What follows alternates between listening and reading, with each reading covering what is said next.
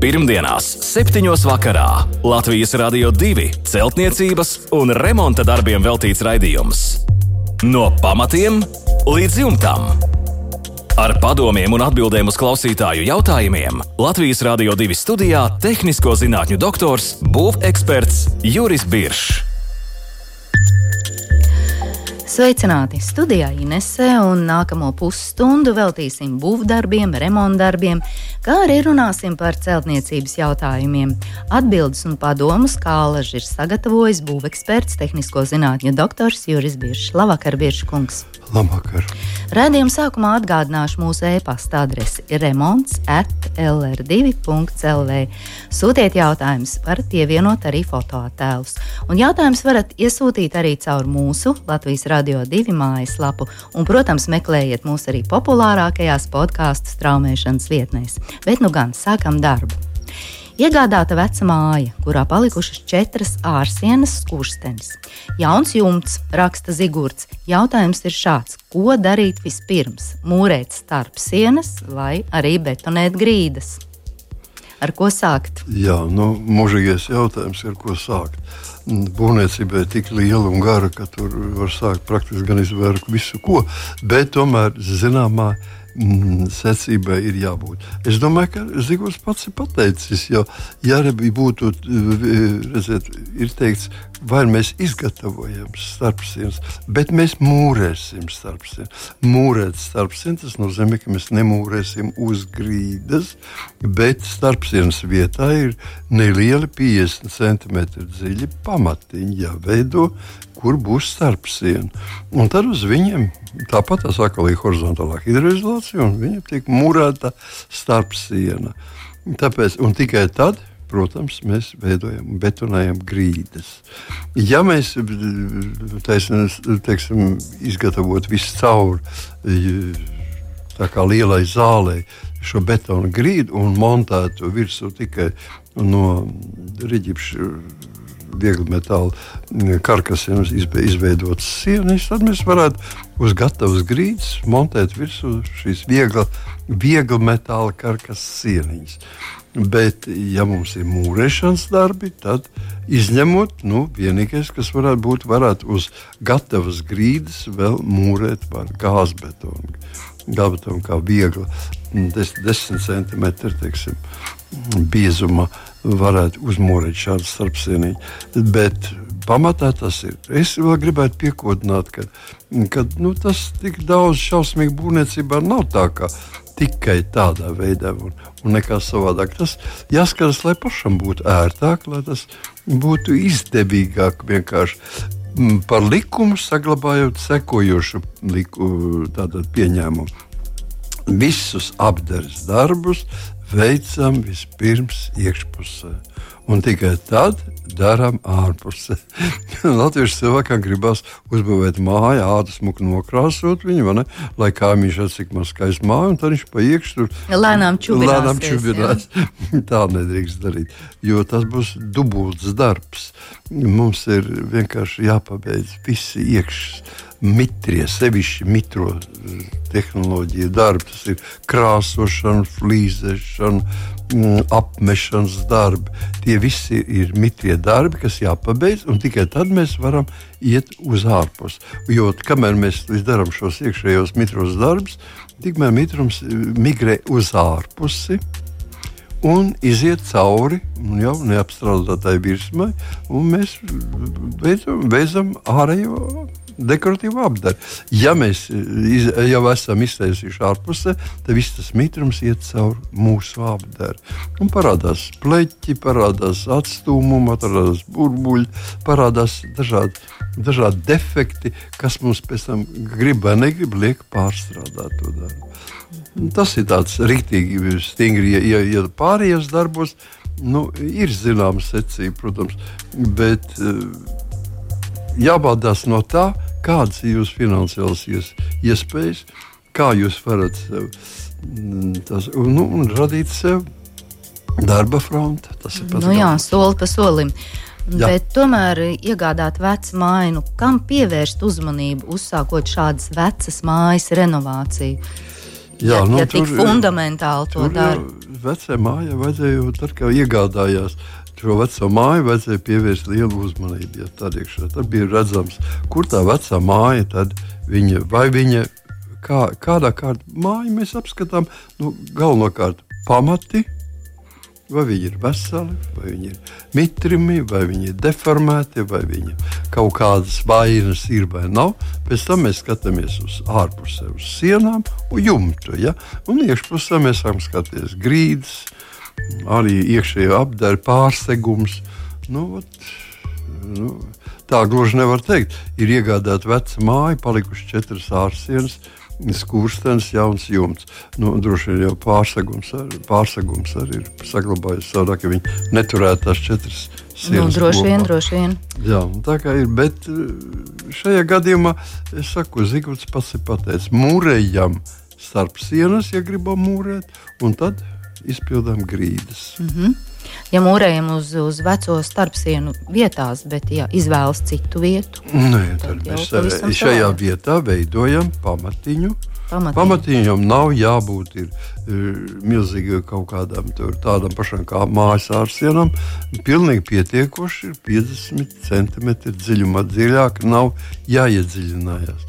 Un veidojam betonu pamatiņu, uz kura horizontālo hidroizolāciju, un tālāk mēs mūrējam. Vienalga ar sīkblokiem, ar vieglu betonu blokiem vai ķieģeļiem. Mm -hmm. Bet ar ko jūs ieteiktu labāk? Nu, mūsu laikos jau noteikti vajadzētu ar sīkblokiem, un es katrā gadījumā iekšā darbiem var atļauties arī gāzes betonu. Bet ar ārā darbiem un, un teiksim, konstrukcijiem, kas saskaras ar ārpusi, protams, ka labāk būtu nu, teiksim, uz, uz keramikas bāzes veidotiem. Tas nozīmē FIBA bloki vai keratēna bloki. Mm -hmm. Jā, paldies par atbildi Zigurdam. Vēlos uzzināt, kāds būtu pareizs salikums pāri grāvim, būvējot tādu nelielu piemājas tiltiņu. Mums raksta Valentīns. Pašlaik ir betona notekta caurule virsū zeme, malas arī no betona. Pavasarī un rudenī betons visu laiku brūk un plaisām. Domājam izmantot plastmasas notekta cauruli. Pa virsmu uzbērt šķembas, smiltis un tad uzlikt bruģi malas aplikt ar akmeņiem un jau, vai tas būtu pareizi. Tiltiņa garums ir 2 metri, augstums pusotrs metrs, un pa tiltiņu pārvietosimies tikai ar kājām. Nekāda smagā tehnika tur Jā. netiks izmantota. Tāds mazs gā, kājām gājēji tiltiņš. Jā, tā, Dekoratīvs īpatnē. plānots. Nu, nu, godīgi sakot, protams, te nav jādomā, ka kaut kādas gudrības, kas ir tiltu būvētājiem, bet, protams, tāds mazs, mazs grāvu pārvarēšanas ierīcīti. Katram ir jāmāk teiksim, izgatavot, protams. Bet eh, es jau esmu fans uz betonu, un man tāds betona caurulis daudz, daudz labāk patiktos. Jo, teiksim, labi, es piekrītu, ka viņš deformējas, varbūt vajag skatīties uz to, lai viņas nekustētos, viņas vajag atbalstīt tās caurules, lai viņā nebūtu brīvi iz, izskalojumi. Un, un viņas var diezgan vienkārši remontēt. Viņas var atļaut arī plaisas, var, var remontēt. Un, Un katrā gadījumā, manā skatījumā, betons tomēr ir un paliek labāks. E, plasmasa, jā, plasmasa pirmais gads brīnišķīgi. Ļoti jauka, pēc tam ziema, pēc tam atkal vasara un sākās plasmasas nedēļas, tā saucamais novecošana. Ja? Viņa noveco un tad viņa plīst eh, ļoti ātri. Es tā kā teiktu, ka jo, nu, ideāls gadījums ir tad, ja mēs varam šajā betona caurulē iemontēt iekšā vēl plasmas. Plasmas veido to daļu, kur tek ūdens. Savu. Nav vēl tā kā atsevišķa čauliņa. Nu, jā, viņi ir kā, ir kā teiksim, citi tur speciāli uzklāja plasmas kārtu virsū vai viņi samazina berzi un, un ne, nenotiek izskalošana.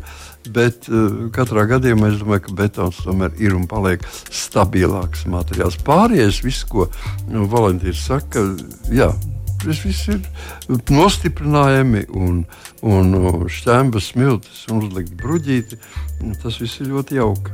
Lai gan man šķiet, bieži kungs šajā gadījumā Valentīns raksta, ka betona notekta caurule, tur viss kārtībā, bet virsū zeme un malas ir no betona. Un acīm redzot, šīs betona malas plaisā.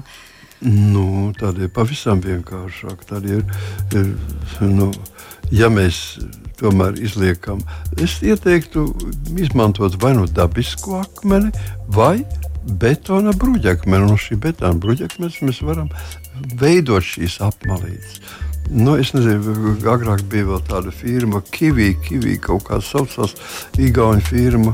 Viņi veidoja daž, dažādas, ļoti dažādas nomenklatūras, betonu dekoratīvos tādus. Nu, gan dekoratīvi, gan blociņi. konstruktīvi tādas blociņas. No viņiem varēja sagatavot visu, ko veselu māju varēja uzmūrēt no. Nu, teiksim, šeit šajā gadījumā viņi būtu ideāli vienkārši. Mm -hmm. Nu, Tas ir.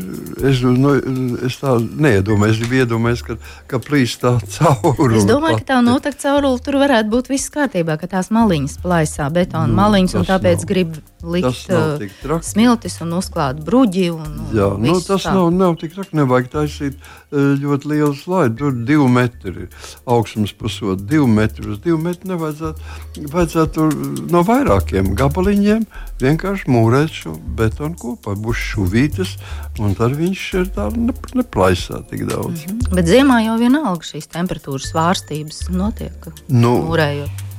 Nu, kā lai saka, temperatūras svārstības ir, bet no kā tā veidojas? Ne jau no temperatūras veidojas plaisa. Plaisa veidojas tad, kad mums, mēs atdziestot, saraujas betons, viņam nav kur kur sarauties, un viņš plīst. Ja?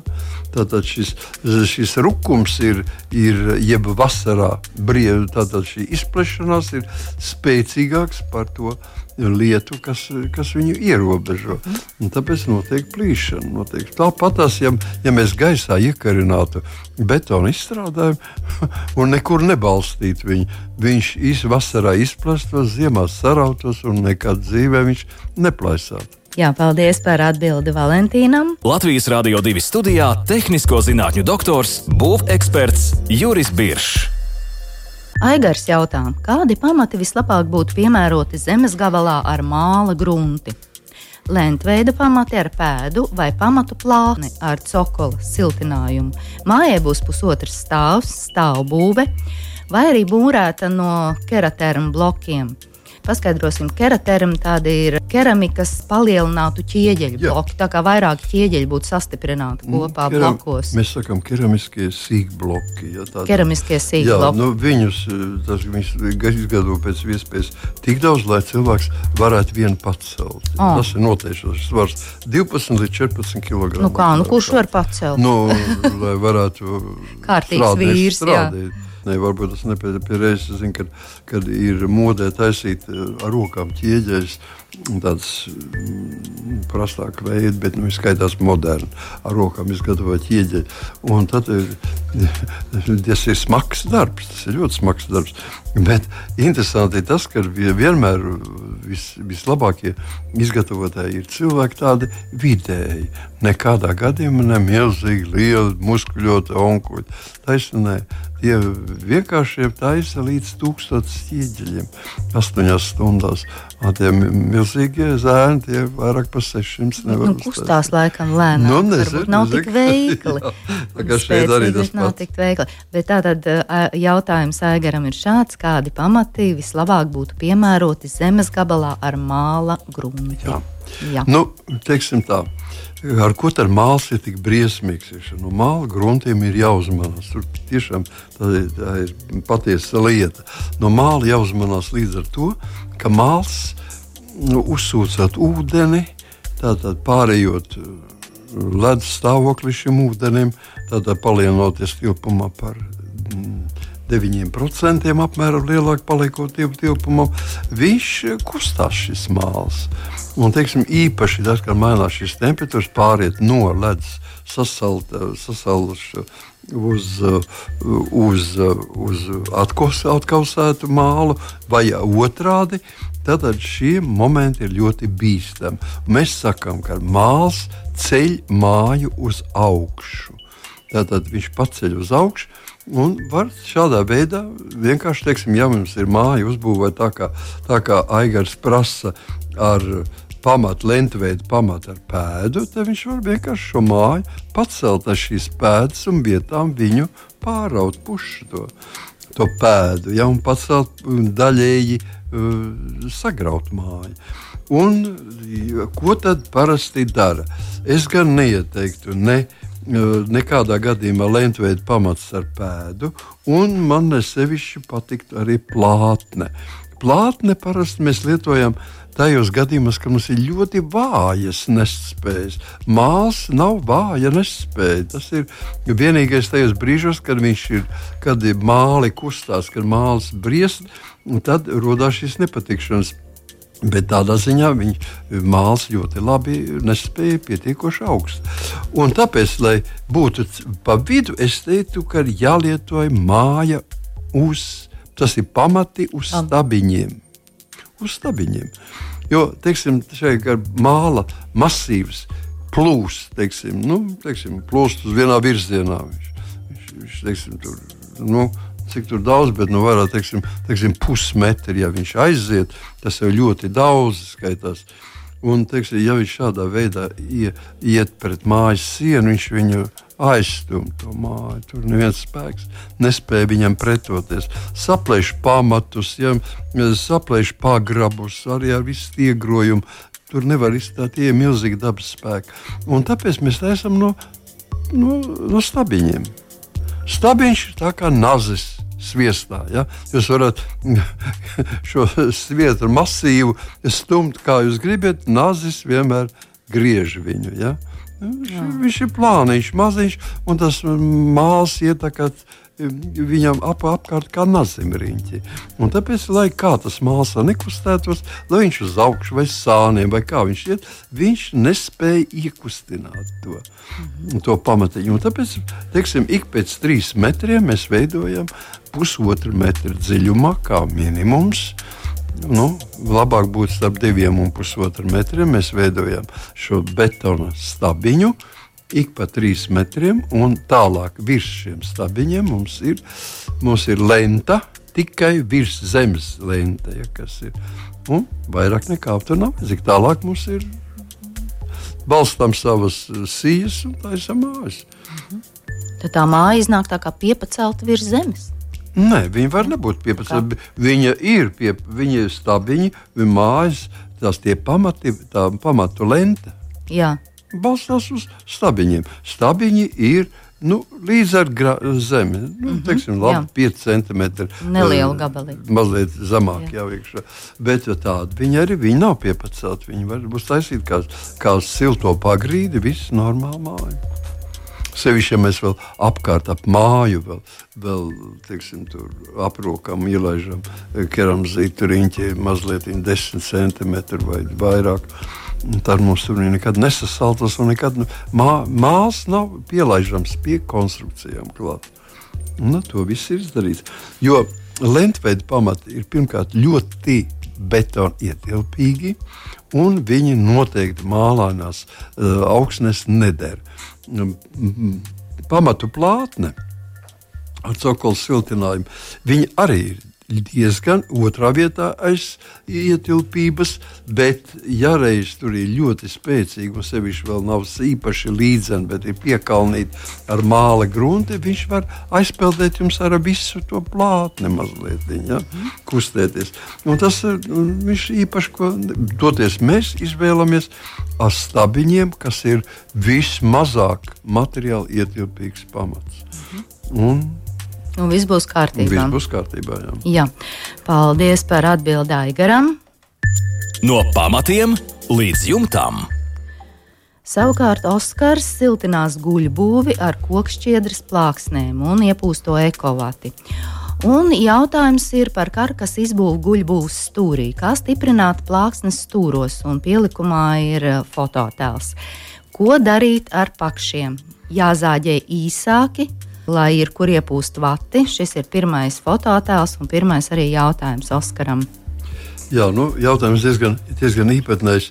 Nu, Es teiktu, ka nevajadzētu sevišķi sakot, aizrauties ar to, ka bojā tur to, to, to paksi un tas paks tik smuki saķetots kopā. Un, Un, un es teiktu, ka pilnīgi lai viņš arī paliek iekšā.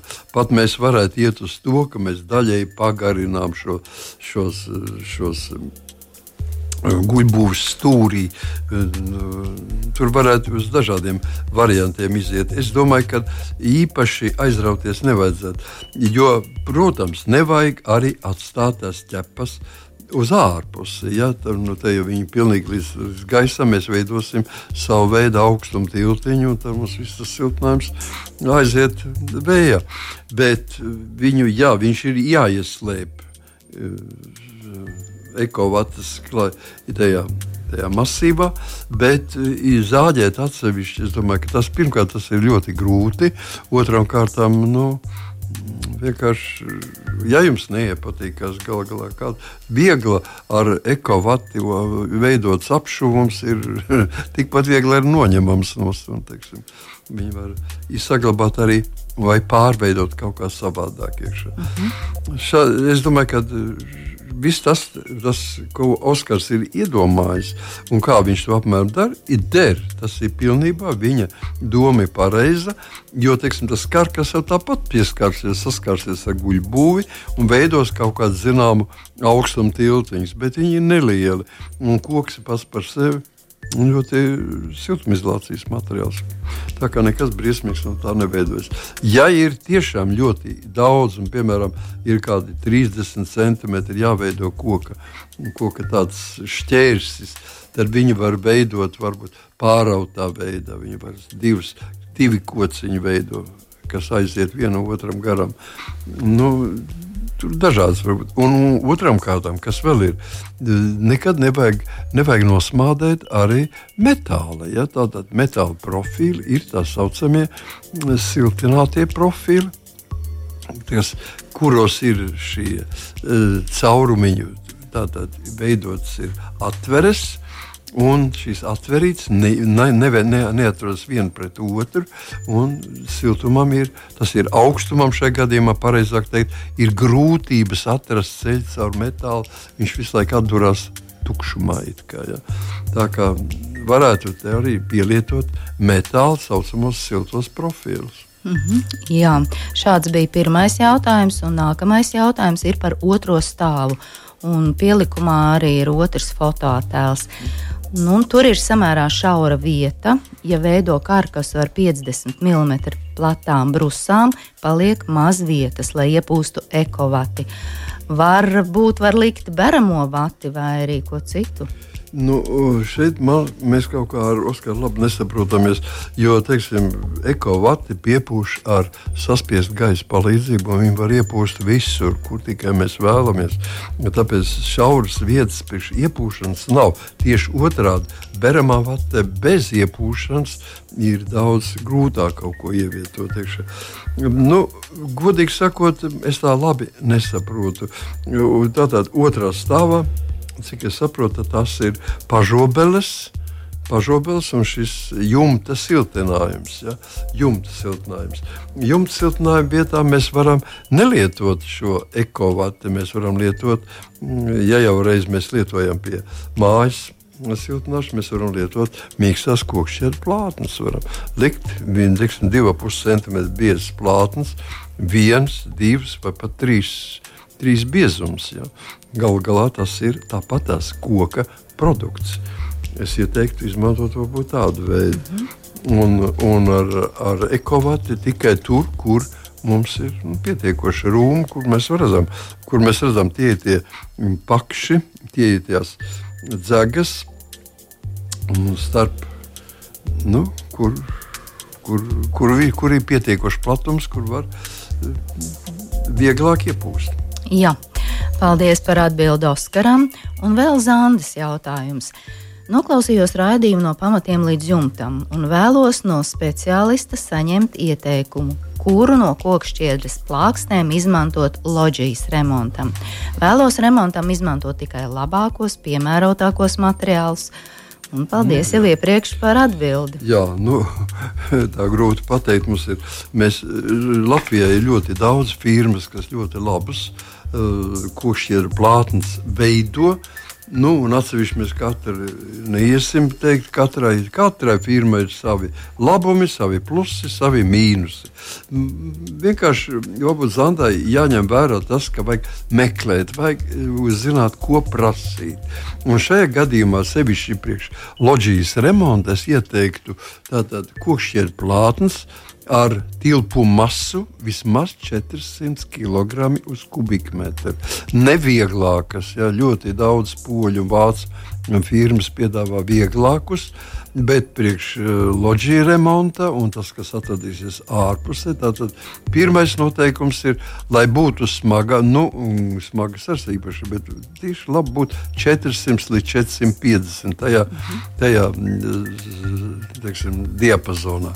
Tas ir pirmais ieteikums. Otrs ieteikums ir, vajadzētu izmantot uh, jau impregnētas kokšķiedra plātnes, kuras ir vienas, viena puse vai pat abas puses ir impregnētas. Tātad piesūcināts ar ūdeni atgrūstošanu, piemēram, ar, ar stearīnu vai ar, ar kādu citu ūdeni atgrūstošu vielu, kuram samazina iespējas samitrināt.